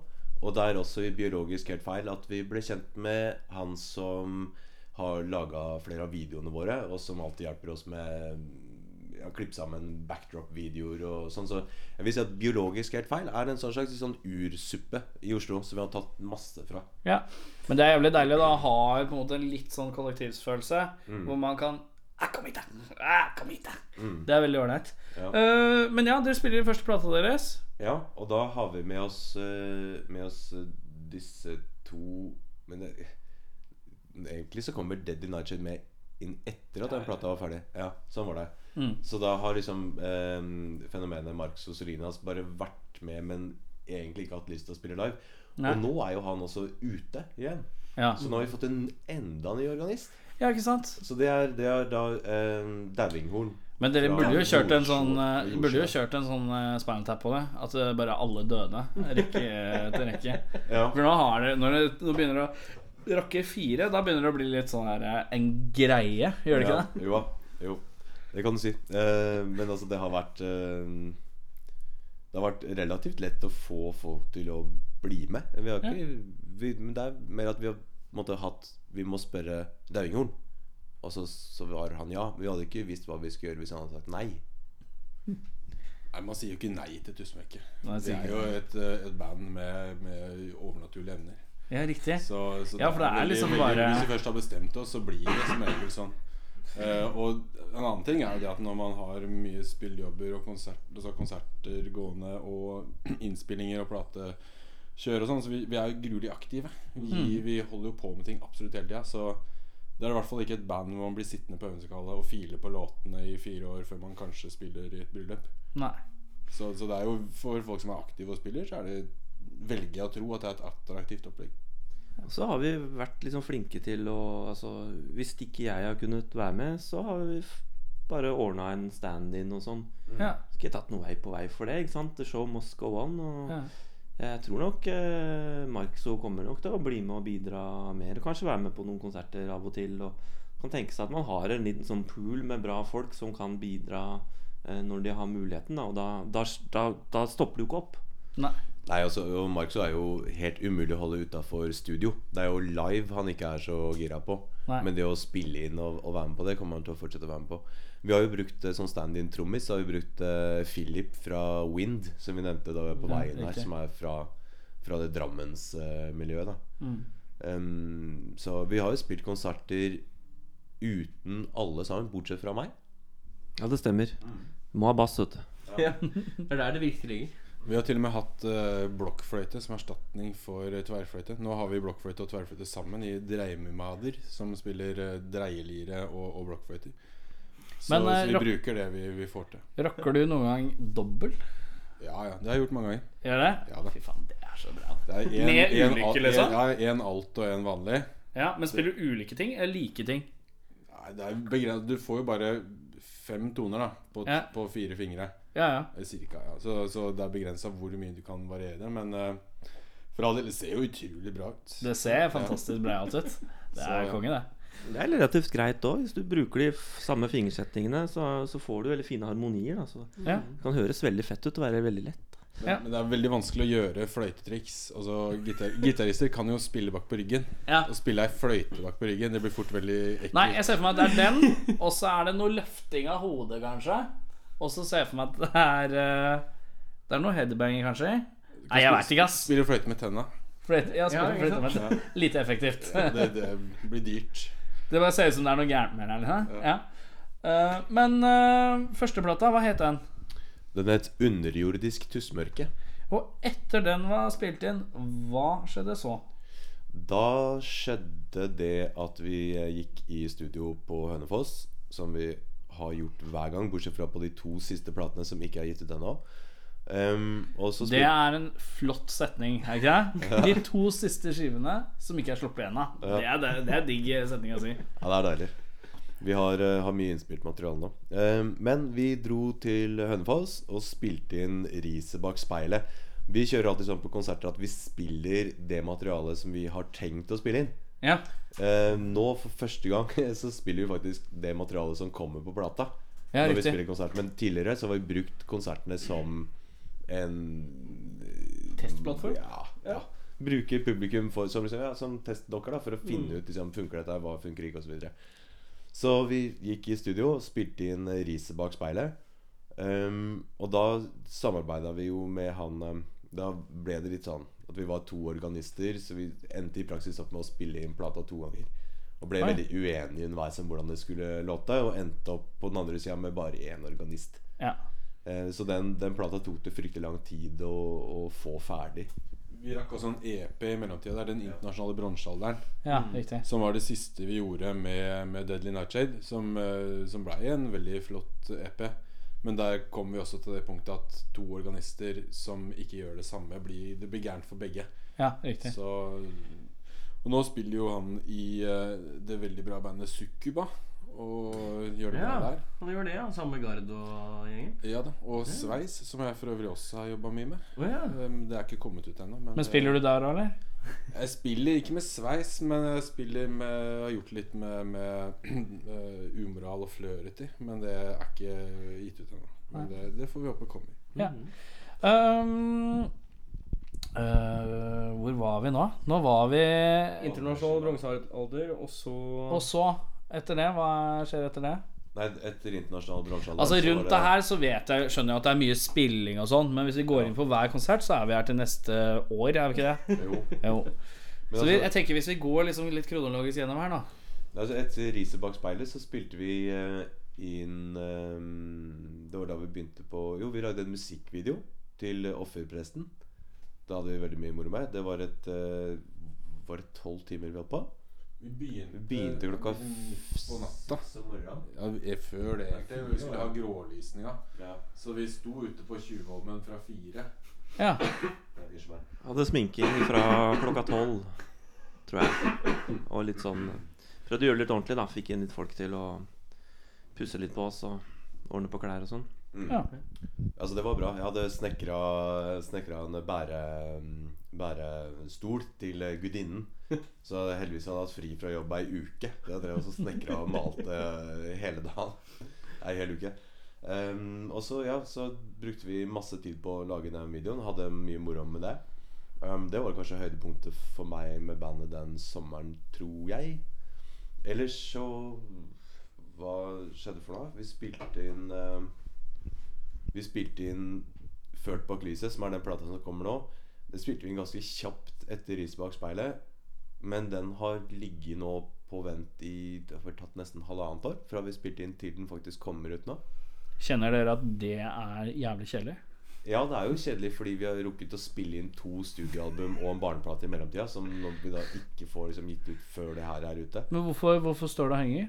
Um, fordi ting tar tid med trykking og mekking av omslag og litt sånn Alle detaljene, Ja, basically? alle detaljene. Og, og også det her at han eh, Fenomenet og Solinas er jo en veldig, veldig opptatt Han er et veldig opptatt fenomen. Så han, eh, han kan jo ikke på en måte Han brukte jo nesten et år på å få det ferdig. Fordi at han er jo spiller jo altså, Si Chris La har spilt i mange band. Altså Fenomenet og Solinas er jo med på i hvert fall ti prosjekter pluss filmmusikk. Ja. Eh, ja, og det er alt fra at han spiller trommer med Beastcraft, til at han eh, spiller harpsichord med, med liksom eh, Håkon Ellingsen. Så det er- Og så er han med i White Willow, og så er han med i Three Winters. Og så, er han, så driver han jo eller lager musikk i Wobbler. Så ja, han er veldig opptatt. En annen ting er jo det at uh, Tusmørket nesten aldri forkaster en idé. Uh, som uh, f.eks. offerpresten uh, Sjutommeren kan uh, gi vitnesbyrd om. Uh, fordi B-sida på den uh, sjutommeren, som heter 'Mener vi alvor nå', det er altså en idé jeg fikk på veien fra øving. Eh, 'Mener vi alvor nå', og så lagde jeg teksten til det, og et fløyteriff. Og mens vi var i studio for å spille inn riset, så var jeg i møkkakjelleren eh, på gården til familien eh, Frøysli, der vi var og spilte inn, med zoomen min, som firespors zoomopptaker, og la eh, fire-fem vokaltakes og to-tre fløytetakes, og, og hadde god tid, da, så jeg satt og bare uh, bounsa det, og fikk lagt masse, masse takes i sånn utrolig bra akustikk i den møkkakjelleren. Og så var det egentlig basically å bare mikse den og legge på litt eh, ekstra blokkfløyte, så hadde vi en låt til. Så det var to parallelle innspillinger Ja, på gården. ja. Men sånt er moro. Impulsivitet er jo gøy. Og den, den låta der er det jo flere som har som sin yndlingslåt med Tusenmørket den dag i dag. Som ble For det er jo veldig spesiell lyd. Kult. Men ehm, da tar jeg to litt viktige spørsmål. Og eh, Den ene er hva er høydepunktet i bandets eh, karriere for din del, eller for deres del, eh, hittil? Høydepunktet? Mest moro, eller må det være seg en konsert eller innspilling, eller noe Ja. man bare er fornøyd med et ferdig produkt? Det kom noe inn i huet mitt, og da, da må vi til Skærnes. Selvfølgelig må vi dit. Ja, Klart det. Der er, er det en plass eh, som heter Øknerhuset. Mm. Det er et gammelt våningshus på en gård som har eh, sannsynligvis da blitt flytta ut av kanskje på 50-tallet eller noe sånt. Og ble da bygd om til en slags eh, grendehus slash pub allerede da. Hvor eh, rånere og rockere har hengt siden, så vidt jeg har forstått. Og der uh, var det rett og slett en kar som har tatt opp arven, eller, eller ja, rett og slett, som han, han driver en festival òg bortpå der, tror jeg. I hvert fall en jævlig trivelig kar. Husker ikke hva han heter i farta. Men eh, han inviterte oss til å spille der, da. Og Jesus Christ, de var forberedt. Altså, da var det mobilisert. Altså, det var 50-60 folk på Skærnes. Eh, og de hadde da bestemt seg for å ha en type hippiefest, skal vi kalle det det? Ja, de, de var jo veldig eh, eh, Veldig frilynte. Ja, de hadde hørt seg opp på musikken, da. Så Ja. de kunne, kunne synge med og sånn. Og det gikk vel første låta, da dro vel første BH-en på scenen, tror jeg. Ja, ja, såpass, ja. Eh, og de hoppa og dansa, så liksom bassampen holdt på å hvelve, for det gulvet var jo ikke all verda, da. Nei. På sånn gammelt hus. Og jeg husker på slutten der så var det liksom to som sto i midten, sånn halv, nesten avkledd. Og liksom Jeg tror ikke det lå sammen, men de simulerte sånn sam, stående samleie. Mens alle bare kylte på med øl og brennevin, og småjentene ble drivd av klærne av de eldre damene, da, som liksom Det var bare total party, altså. Fordi Når du sier at BH-en røyk, så røyk resten òg. Liksom, Ja, de, ja, var, ikke de var baris på hele gjengen. Det var en Ja. fantastisk opplevelse. Ja. Mikrofonstativene sto på gulvet, så når gulvet gynga, så gikk jo det rett opp i kjeften. Eh, så det var mye sånn Mister jeg alle tennene nå, så er det verdt det. Ja, ja, ja. Det Men det er jo det man drømmer når man skal til Skærnes? Nei, hva sa man? Det var, Når ja. ja, jeg prøver å huske hva han eh, fyren het. Han har en festival òg. Ja, det er. Audunbakken. Heter han Audun Bakken, så er det jævlig kult. Audun Bakken til etternavn. Det er en Audun sånn Bakken, ja. slektsgård. Ja. Så, men det var eh, Ja, du måtte liksom prøve å hele tiden finne ut hvor mikrofonen var, så man kunne liksom synge i og bli liksom hørt. Og det var en veldig kul stemning, fordi at uh, oppvarmingsbandet var en sånn bluegrass-gruppe. som spilte med sånn eh, baljebass og, Ja, ja. og, og liksom eh, banjo. Og så var det De hadde satt opp en opptaker da som skulle ta opp denne konserten. Og de kom ned fra scenen etterpå. Det var liksom, alt var bare dynka i rødvin. Liksom, det var bare klær overalt. Var helt Ting var knust. Og så ser jeg bare opptakeren ligger liksom helt sånn der køla sammen under noe greier i en krok. da Og det var ikke tatt opp liksom, Det var tatt opp eh, et par minutter før den bare ble revet over ende og tråkka på. da Det var sånn, det er gærneste stemninga ever. Så, som Martin, som uh, Leva Gastir sier, alt sto liksom og gynga Ja. i den derre Men det er, eh, man forventer jo ikke det. Nei. Ja, Du blir invitert til et lite lokalt sted, liksom. Bare 'jeg kom hit og spille', og dere tenker ja ja.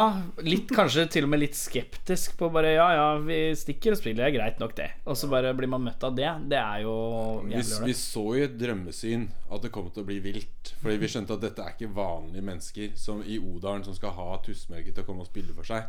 Det, det ble fantastisk bra.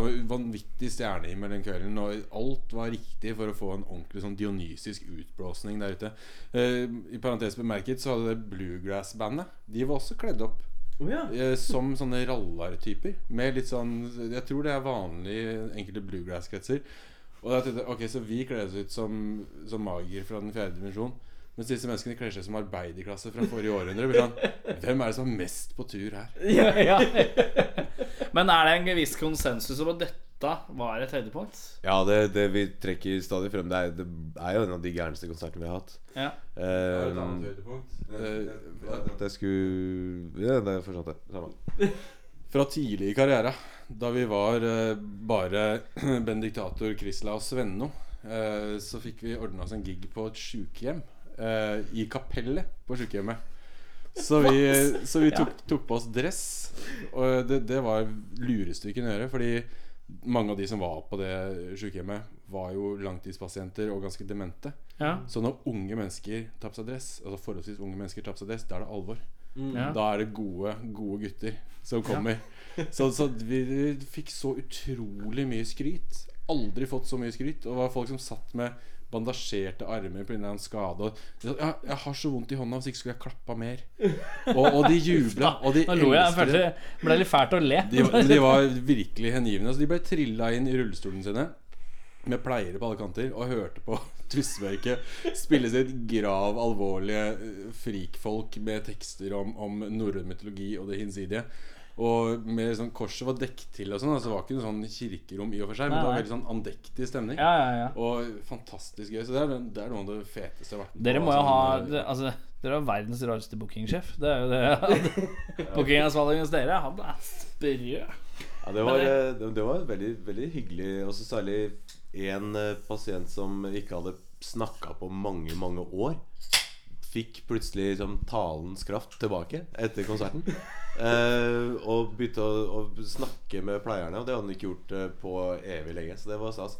Så, ja, så det, ja, kraften i dress og slips er, eh, Det er ikke av. Det er det er ikke når du driver sånn håndspåleggelse og healing og sånn. Det er jo Det er jo slipset. Ja, Det er jo slipset, slipset som helbreder.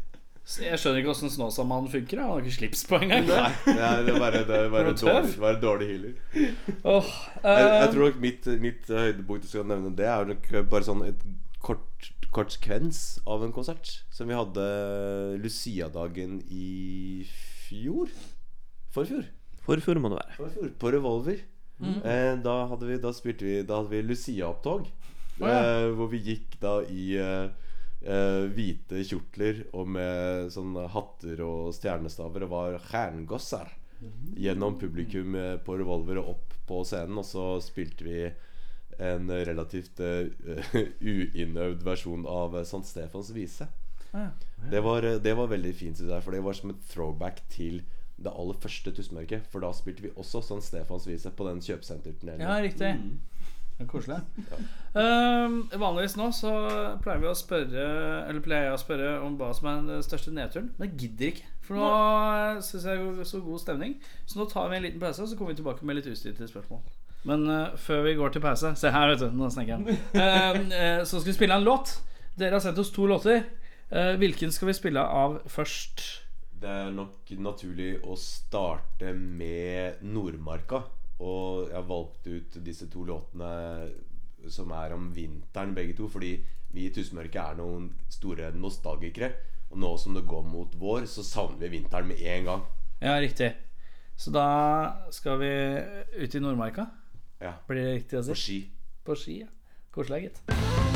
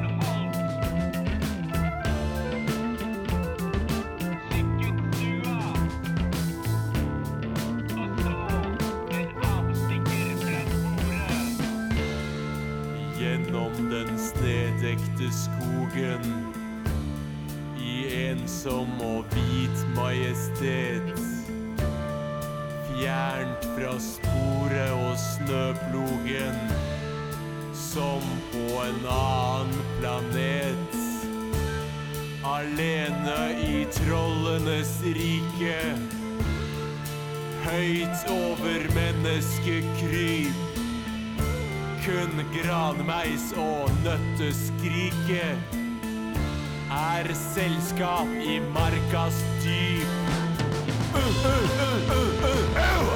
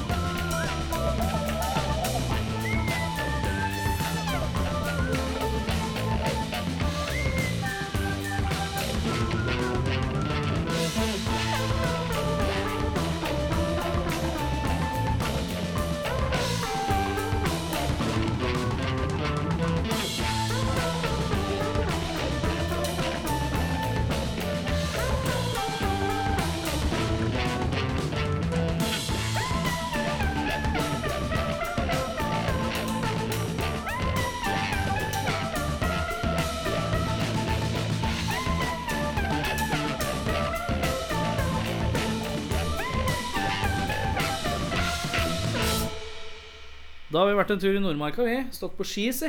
Ja. Ja, ehm, og så skal vi hoppe over på noen eh, ustilte spørsmål. Vi kaller det ustilte spørsmål, for vi håper det er sånne spørsmål som dere noenlunde ikke har blitt eh, spurt før. Forhåpentligvis. Forhåpentligvis. Og så eh, svarer dere individuelt, for det er litt morsomt hvis man er litt uenig.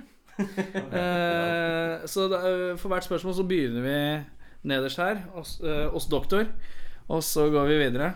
Vi fant ut at eh, Vi fant ut på pausen han er doktor. Oh, ja. Eller ikke sånn medisinsk doktor, men han har doktorgrad. Oh, ja. Så Dac på enden der eh, Ja, jeg er doktor i eldre historie, så hvis du har noen gamle syke historier, så kan jeg godt hjelpe til. Hjelpe til, ja. Send en mail til Nei. um, da begynner jeg med første spørsmål. Hvilket band som ikke spiller aktivt nå, skulle dere ønske fortsatt gjorde det? Det er lov å ta med originalbesetninger av ting også. Hvilke band som ikke spiller nå aktivt, skulle jeg ønske fortsatt gjorde det. Men det er også lov å ta med band som uh, ja, Jeg skulle ønske Deep Purple spilte med originalbesetninga. Uh, men de er jo på en måte nå bare en skygge av seg sjøl, omtrent. Men uh, ja, skjønner Håper du skjønte spørsmålet mitt. Ja, jeg, jeg skjønte spørsmålet. Og da må jeg vel si eh, 50 Foot Hose. 50 Foot Hose. Ja. Må, måtte være noe jeg ikke hadde hørt om. Det er greit, det. det jeg mistenker at det blir gjennom hele raden her. Er, det er en seks, seks, sein sekstitallsgruppe som er et av de første banda som kombinerte elektronikk med rock. Oh, ja. De hadde vanvittig mye fete effekter på innspillingene sine og, og var skikkelig forut for sin tid. Men så var det så uheldig å bryte amerikansk narkotikalovgivning. Ja. Som gjorde at de nesten ikke fikk spilt live. eh, De, og i hvert fall ikke fikk promotert plata si. Eh, Pluss at utstyret deres ofte gikk i stykker under omrigg. sånn Så de, de var liksom litt sånn offer for uh, den tidlige eksperimentelle syntbølgen. Som gjorde at du måtte egentlig lage mye av dine egne instrumenter. Men det var et fantastisk band, og det skulle jeg veldig gjerne sett live. Og også hørt mer innspillinger av. Silver Apples var litt i samme gata, men de var mer rein elektronikk. Men, og, og de spiller jo fortsatt. I hvert fall han som lever. Han Ja. eh, Simeon. Så, så det, det bandet Det kunne blitt noe vanvittig bra. Men de måtte legge opp pga. kriminalitet og, og, og rett og slett utstyr som ikke stykker. ja. Da skal vi til en feit eh, R i midten av sofaen. Ja, øh, å, jeg, jeg slåss med meg sjøl nå. Jeg, det, jeg krangler mellom øh, italienske prog-legendene Il Balletto di Bronzo, som var helt fantastisk Det hørtes ut som eh, sånn, øh, sånn operatrio. Ja, ja nei, det, det, det, det, det er utrolig psykedelisk fet øh, prog-trio. Nei, det var ikke trio da. Nei, det var ikke sant, det er det som er poenget. Da hadde de med gitaren, som er helt fantastisk. Men jeg fikk det faktisk for meg at det blir ikke det. Det blir Kong Lavring. Det å kunne se eh, Kong Lavring, norske folk, uh, folkrockbandet Eh, Det hadde vært helt konge. Eh, Noe av det feteste bruk av klavinett du kan finne på jord. Eh, Få samla den gjengen uh, i den formen de var i dag. Det hadde Da tror jeg Da hadde jeg fata, altså.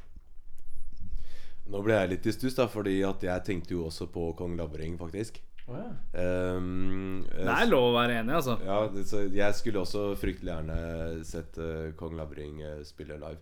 Der hvor vi spiller inn eh, nå, i Tåkeheimen, så deler de eh, studio med det som var Rosenborg Studios, hvor uh, Kong Lavring spilte inn sine plater. Så noen av de mikkene som er i det rommet hvor vi har spilt inn de par siste tinga, kan ha vært brukt av Kong Lavring. Det er såpass at man går rundt og tenker på det såpass. Ja, da vet jeg at det er status. Ja. Har du et spørsmål, Erik? Har et spørsmål. Ja, Ja, Jeg, skulle også veldig gjerne ønske at eh, Dark Throne kunne spille live. Ja, de Eh, to gutta, ja. gjøre det igjen.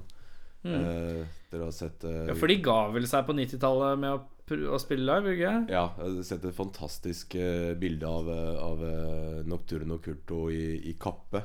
Og jeg skulle gjerne sett det igjen. Jeg tror jeg har sett noen live Noen bilder av det live. Noen litt skikkelig blurry bilder fra når de har spilt live. på det er jo film av da de spiller på bootleg. Oh ja, Det ser jo dritbra ut. Det er jo 100 år siden. Men, men Dark Throne Live, det hadde jeg det hadde betalt mye for å se. Det Ja. vært stas. De har jo sagt at de skal uh, gjenforenes og spille på um, På Hauketo uh, På Hauketo stasjon i 2020 eller noe sånt, tror jeg. De har lovt det. Men de, men de spiller jo inn plater sammen Å ja fortsatt. da, ja da, de spiller jo inn plater, så det er jo fete greier, det, altså. Men jeg uh, skulle gjerne sett dem live. Ja. Da, eh, siden vi tok en tur i Nordmarka, eh, så er det første spørsmålet mitt veldig enkelt og greit. Eh, dere er eh, ute på skitur eh, i påskeferie, eh, og det er et skred. Så da starter vi rett og slett nederst i, i sofaen. Du står nå utenfor skredsonen og får muligheten til å redde. Hvem er det du redder først? Altså, du vet jo ikke hvor folk er under snøen. Nei. Dette her er jo et ikke, Det var et veldig det er ikke rart spørsmål. Det er ikke et gjennomtenkt spørsmål på den nivået at uh, Ja, uh, jeg ser for meg et skred, Men det er jo åpent for uh, tolkning, er det som er tanken da, ikke sant? Så hvis, hvis du går for 'du ser ikke hvem, så jeg tar den første' Altså hvis, hvis jeg er på tur med familien, Ja. så prøver jeg jo selvfølgelig å redde barn og kone først. Ja. Det må jeg vel lov å være såpass egoistisk. ja. Det er veldig bra, det. Og, men det er jo sånn søkestav og sånn man må holde på med. da Det blir jo fort en liten arbeidsprosess. Det Der vil jeg gjerne komme inn med et innspill, for jeg spilte jo i et band som het Avalanche Warfare. Oh, ja. Et sånt, et sånt temaband på snøskredkrigføring under første verdenskrig i Alpene. Eh, veldig sånn Selvfølgelig gjør du det. Immortal-inspirert. Og der var det en, en av de verste låtene her het den der het vel sånn Search Pole in the Eye. Ice and cold suffocating, ikke sant? Du ligger der, og så blir du bare Stabba i øyet. ikke sant? Uh, No Holy Mesmerizing Crystals of Snow eh, Bring Out The Dogs of Lavine var også en, en uh, headbanger. Altså, så Det å redde folk ut av snøskred Jeg har jo veldig respekt for alle som utfører alle former for redningsarbeid. Eh, du må holde hodet kaldt, no pun intended. Og du må også være, være sånn flink til å, til å søke metodisk. Og det er klart det første man gjør, er jo å stikke helt vilt rundt seg med den leitestaven. Mm. Og så gjør det kanskje mer skade enn gavn. Eh, antagelig. Det lureste vil jo være å grave på en voksen først, som kan hjelpe deg med å grave etterpå. Ja. Så det er klart hvis du redder Nå har jeg en sønn på, på ni måneder som jeg selvfølgelig ville gjort alt for å redde. Men han kunne ikke hjulpet meg med noen ting. Nei, ikke sant? Så, så det, er, det er liksom re, re, Rekker man å tenke det? Det er, det er usikkert. Jeg tror jeg ville bare gitt helt opp. Det er liksom Venta på gra, flere. grav, Gravd meg ned, jeg òg. Legger på seg snø over fjeset. ja. Ja, dette skjer ikke. Dette skjer ikke Bare, det, er, det er jo det man sier Altså, Hvis man ikke kan svømme, så svelg masse sjøvann og svøm nedover. Så det er samme også med, med snøskred. Bare svelg masse snø. Nei, og ingen kan jo beskylde deg for noe når du er gravd under snøen. Nei. Da er du helt fri for skyld. Hva tenker du, da? Ja, altså Jeg tenk, tolker jo spørsmålet dit hen at vi snakker hvem i bandet, da. Mhm. Og selvfølgelig, jeg, jeg må jo ha bass. Ja. Uten bass er jeg ingenting, så jeg graver selvfølgelig opp uh, Benediktator. Ja, eh, jeg savner også litt kontekst for, eh, for spørsmålet. Ja, det er, det er litt vagt. Jeg skal ærlig innrømme det. Det, det er det. Men, uh... Ja, men hvis jeg, hvis jeg tenker at det er eh, At det er et skred som er gått Vi er på påskefjellet Vi er på turné eh, På påskefjellet Kanskje vi er på skiturné ja, skiturné. Ja. Med instrumentene i pulk Så- Jeg så for meg en litt sånn rar birkebeinerlook, jeg nå. Ja, vi, vi er ute og prøver kostymer For å se om de er værtette Ja, riktig. Om vi kan uh, bruke dem når vi skal spille utendørs. Ehm, det, jeg syns det er forferdelig, forferdelig vanskelig. Nå har jo Martin sagt at han skal eh, redde meg. Da Da må jeg nesten si at, eh, at jeg skal redde Hlevagastir. Eh, men jeg, jeg, jeg ville jo også redda jeg ville, Hvis jeg hadde kunnet redde liksom Krisla og Levagastir, så ville jeg kalt det en, en god dag. Altså Vi tre som sitter her nå. Hvis vi var redda, liksom så, så er jo de to andre har jo blitt med mye seinere, og de er jo også i en litt annen sånn demografi. Vi har jo Dauinghorn Nå er ryker bandet, vet du. Dauinghorn er jo mye yngre. Han er jo kanskje 16-17 år. Og så er jo han uh, um, Draumamader er jo mye eldre. Han er kanskje 70. Nå er jeg dårlig på å gjette alder, da, men jeg tror de er sånn i det segmentet cirka. Så det føler meg jo kanskje mer hjemme i min egen generasjon. da Og vil satse på at vi skal være den generasjonen som, som lever videre. Jeg tenker også Hvis konteksten er at vi har med utstyr i pulk Og det kommer litt an på hva slags eh, turné vi er med på, men jeg har jo veldig mye båndekkoer, facere, uh, terminer Altså mye er- uerstattelig utstyr. Ja. Ting jeg ikke kan få tak i på nytt, eller da altså spørre noen om de vil være med, Fordi det utstyret er ikke mulig å få tak i. Så jeg vil nok gått for pulken. Gått for pulken. Gå for pulken. uh, hvem er sjefen? Ja, Bendiktator. Det, det ligger litt i Det navnet. Smak på ordet. Ja, det er ikke snakk om noe annet. Nei. Nei, jeg, jeg tenker jo som så at da jeg forsto jeg at jeg var eh, bandleder, eh, var vel en av de utallige gangene da jeg var på vei for å hente T-skjorter som vi hadde glemt, eller eh, eh, vekselskrin som vi hadde glemt. Og bare for å komme tilbake til giggen og se at de andre satt og koste seg med sushi, og ingen hadde kjøpt noe til meg. Da forsto jeg at jeg var Ja. bandleder. Ja, da var du bandleder, ja. Uh, Hvis du kunne byttet ut hva som helst i verden, hva hadde du tatt bort, og hva hadde tatt dets plass? Jeg ville slutta å bruke briller, og så ville jeg kunnet kjøre bil. Ja. Godt og enkelt. Nå, du kan ikke kjøre bil? Nei. Men eh, ja, du, eh, kan du kjøre bil hvis du vil? Du kan ta lappen. Jeg kan selvfølgelig ta lappen, Ja, ja. Men, men å bare kunne det Ja, uten alt styret rundt. Det har vært utrolig digg. Jeg har jo en sånn vegring mot å ta ansvar. Ja, riktig. Så og det å altså, på en måte si at jeg skal ta lappen, jeg er familiens sjåfør, det ligger langt inne. Hvis jeg bare var det. Så deilig. Mm. Ja, skjønner. Levegasser. Jeg ville Jeg har aldri likt de konteinerne til Mersk. Nei. Så jeg ville bytta ut de med tollpost. Jeg ville gjerne bare fjerne, fjerne kroppen og kunne være bare ånd. Oi. Oi. Den var speisa. Eh, hva er den tyngste dagen i uka?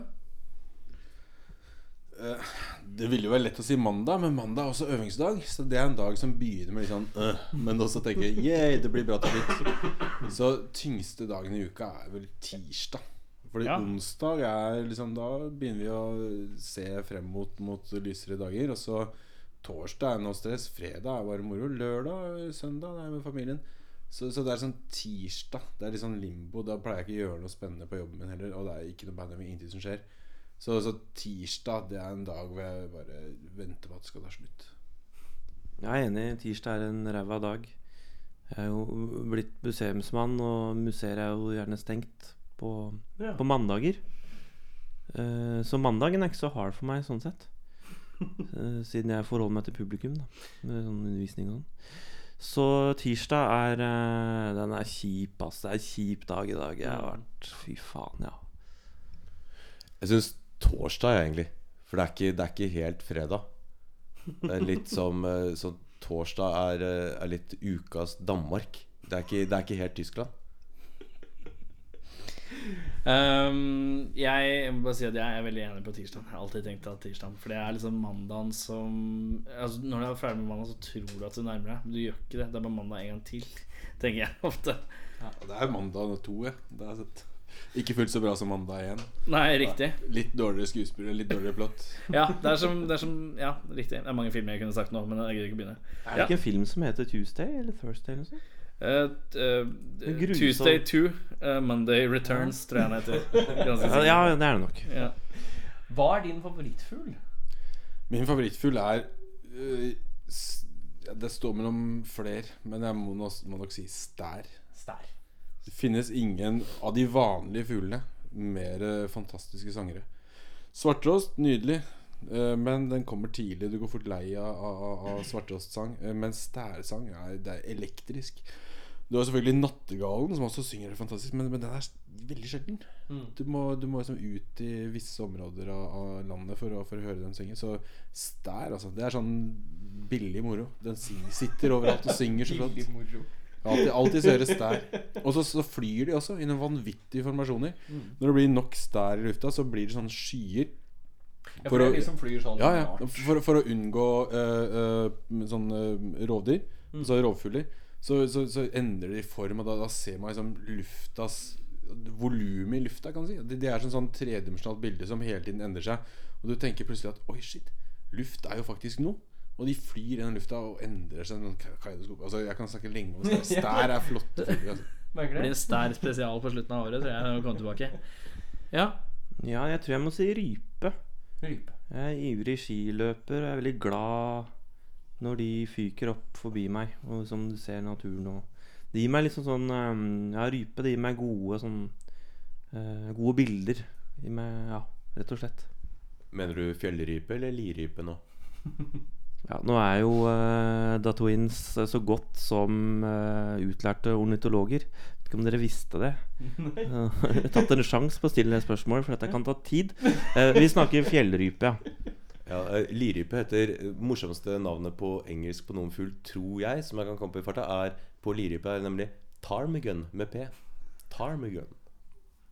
Nesten like gøy som blue tit. Hva heter den på norsk? Uh, blåmeis. Ja, og eh, kjøttmeis heter great tit. uh, Ja, det var nesten bedre. ja. Jeg har, jeg har flytta til, eh, til Jar nå, og der er det jo veldig mye meiser i området. Så jeg sa til kona her om dagen sånn eh, det, det ville høres veldig rart ut på engelsk, eh, men uh, This is a great tit country. jeg tror nok min favorittfugl eh, så jeg for første gang eh, nå for to dager siden på fôringsbrettet. Jeg driver og legger ut frø til fuglene for å lokke dem til meg, så jeg kan artsbestemme dem fra vinduet. Og det er kjernebiter. Kjernebit. Kjernebiter, ja. Det er en 18 cm lang finkefugl. Um, så har Unnskyld, der klarte jeg ikke mer. Der ble det Der entra vi den nerdgrensa bare så vi har Når du bare 18 cm lang finkefugl, som var fint. Som jeg ønska å se i veldig veldig lang tid, da men som jeg av en eller annen grunn ennå ikke har sett. Men den dukka opp på, på foringsbrettet, og, og tre stykker drev og spiste frø rundt omkring der. Og kjernebiteren den har navnet sitt fordi at den kan knuse eh, frøkjerner med nebbet. Eh, annet kirsebærsteiner. Og for å kunne spise en kirsebærstein, så må du ha et trykk i nebbet som er på sånn 50-60 kilo. På en 18 cm finkefugl så er det Yes. utrolig. Og i kjernen på kirsebæret så er det også små små mengder blåsyre som kjernebiteren klarer å fordøye uten å stryke med. Så det er en ekstremt rå fugl. Som også ser veldig bra ut. Så det er nok min favoritt, i hvert fall akkurat nå. Med det tror jeg vi har kommet til en, eh, en veis ende. Vi skal spille av en siste låt. Uh, her står det 'Vinterblot'. Er det riktig? Det er riktig. Sier jeg det riktig? Ja, du, du sier det riktig. Det er en låt om vinterblot. Selvfølgelig er det det. Uh, og jeg tror ikke vi sier mer om den saken. jeg. Og så tusen takk for at dere tok turen. Så for, eh, Har dere noen konsert sånn upcoming som vi burde snakke om? Ja, vi har jo det. Eh, Ja, vi spiller på Den gylne sprekk. Eh, på Jeger. Er det lov å si? ja, det er på Jeger. Det er uh, Herr R sitt uh, nye rockeprosjekt på Jeger som er på tirsdager. Ja. Så tirsdag 29. mars så smeller vi i gang, og da skal vi lansere um, kassett og CD fordi at LP-en er forsinka. Ja. Men det er bedre med noe enn ingenting. Eh, Så stikk dit. Få deres eh, porsjon med tussemørke. Så skal vi høre Vinterblot. Blot. Si det, dere. Kom igjen, da. Vinterblot? Ja, så mye bedre. Snakkes.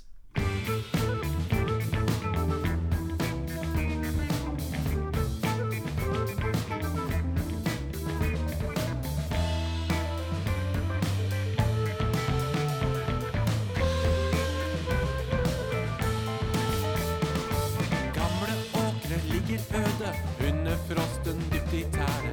Mitt vinterskjær alt så stille, ingen andre ferdes ute. Hva var her før? Å, hvem har vært her før? Ute under åpen himmel, over enger gjennom snøen. Stjerner blinker ovenover, danner mønstre ingen kjenner. Tiden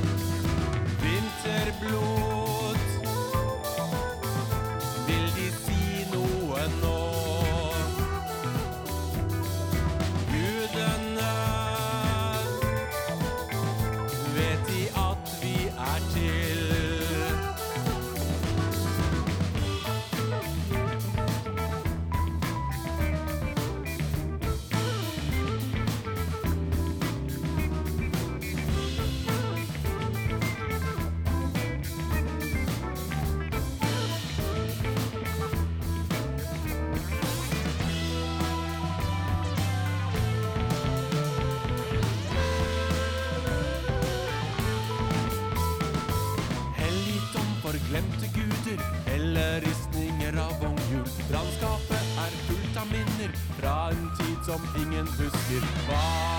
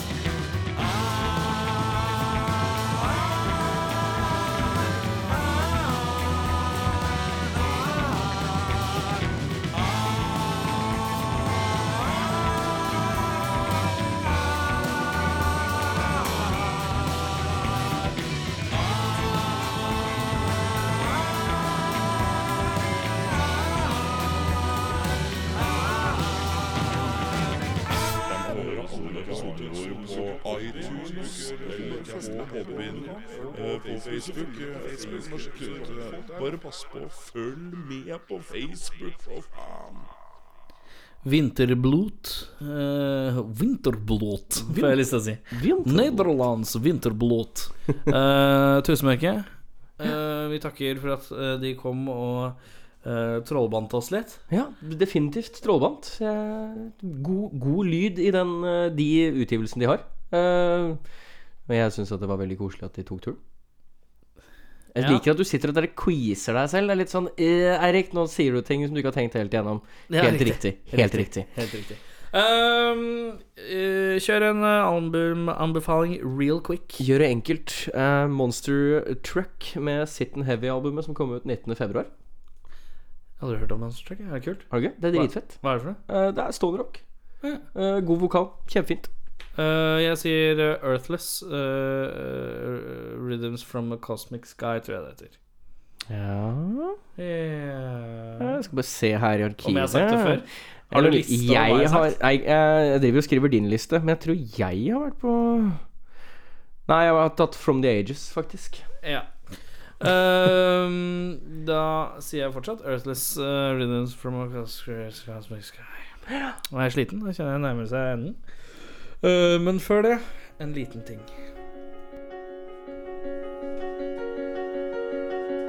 Ja, du fikk vilja di. jeg hadde den fornøyelse av å slå på diverse medier og se du kom, du kom inn i laget, ja. Du fikk til det, ja. All den sytinga og klaginga av media. Ja, det hjalp, ja. Litt som en liten unge som drar i genseren til mora si. Sier 'jeg vil ha is, jeg vil ha is'. Kan jeg få is? Kan jeg få is? Kan jeg få is? Kan jeg få is? Kan jeg få is? Jeg vil ha is! Jeg får ikke is! Hvorfor får jeg ikke is? Jeg vil ha is! Ah, is! Åh, blir Jeg hater at du fikk vilja di. Jeg hater det. Det skjærer inn i sjelen min, Jon Arne Riise. Og du har fått lov å spille akkurat der du vil med broren din. Så kan dere være på samme lag og klage over garderoben. Klage over håndklær. Klage over drakter. Klager over ledelsen. Klager over treneren. Klager om kunstgresset. Klager om målet. Klager om nettet i målet. Klager om alt nå. Mens kona di blagger i bakgrunnen, sitter og Det er sånn det høres ut når kona di blogger. Og du får vilja mi hele tida etter Jon Arne Riise. Og så kan kona mi blogge litt. Og da høres det sånn her ut. Hva blir det neste? Jeg vil bli president. I USA. Det er ikke måte på hva du får til. Og det er ikke måte på hvor kvalmt det er. Jeg hater det. Mer enn noen gang. Med det så kan vi si takk for i dag. Da runder vi av. Eh, sjekk ut Tussmørket. Skal spille på Jeger eh, 29. mars eller april eller et eller annet. Ja, 29. mars. Eh, de spiller på da Jeger. Jæger. Jæger. Eh, Den gylne sprekk, eh, hva heter arrangementet? Eh, og pass på å melde dere på uh, live show eh, på, med oss på MaxiTaxi hvor vi mm. skal blæste dere. Vi fikk også en uh, vinyl fra Tusenmørket som vi også skal lodde ut og gi vekk. Vi har masse premier, vi har masse glede og masse, masse kjærlighet å gi. Magi! Ja, da har du hørt på rockfolk, da. Er det noe rart, da?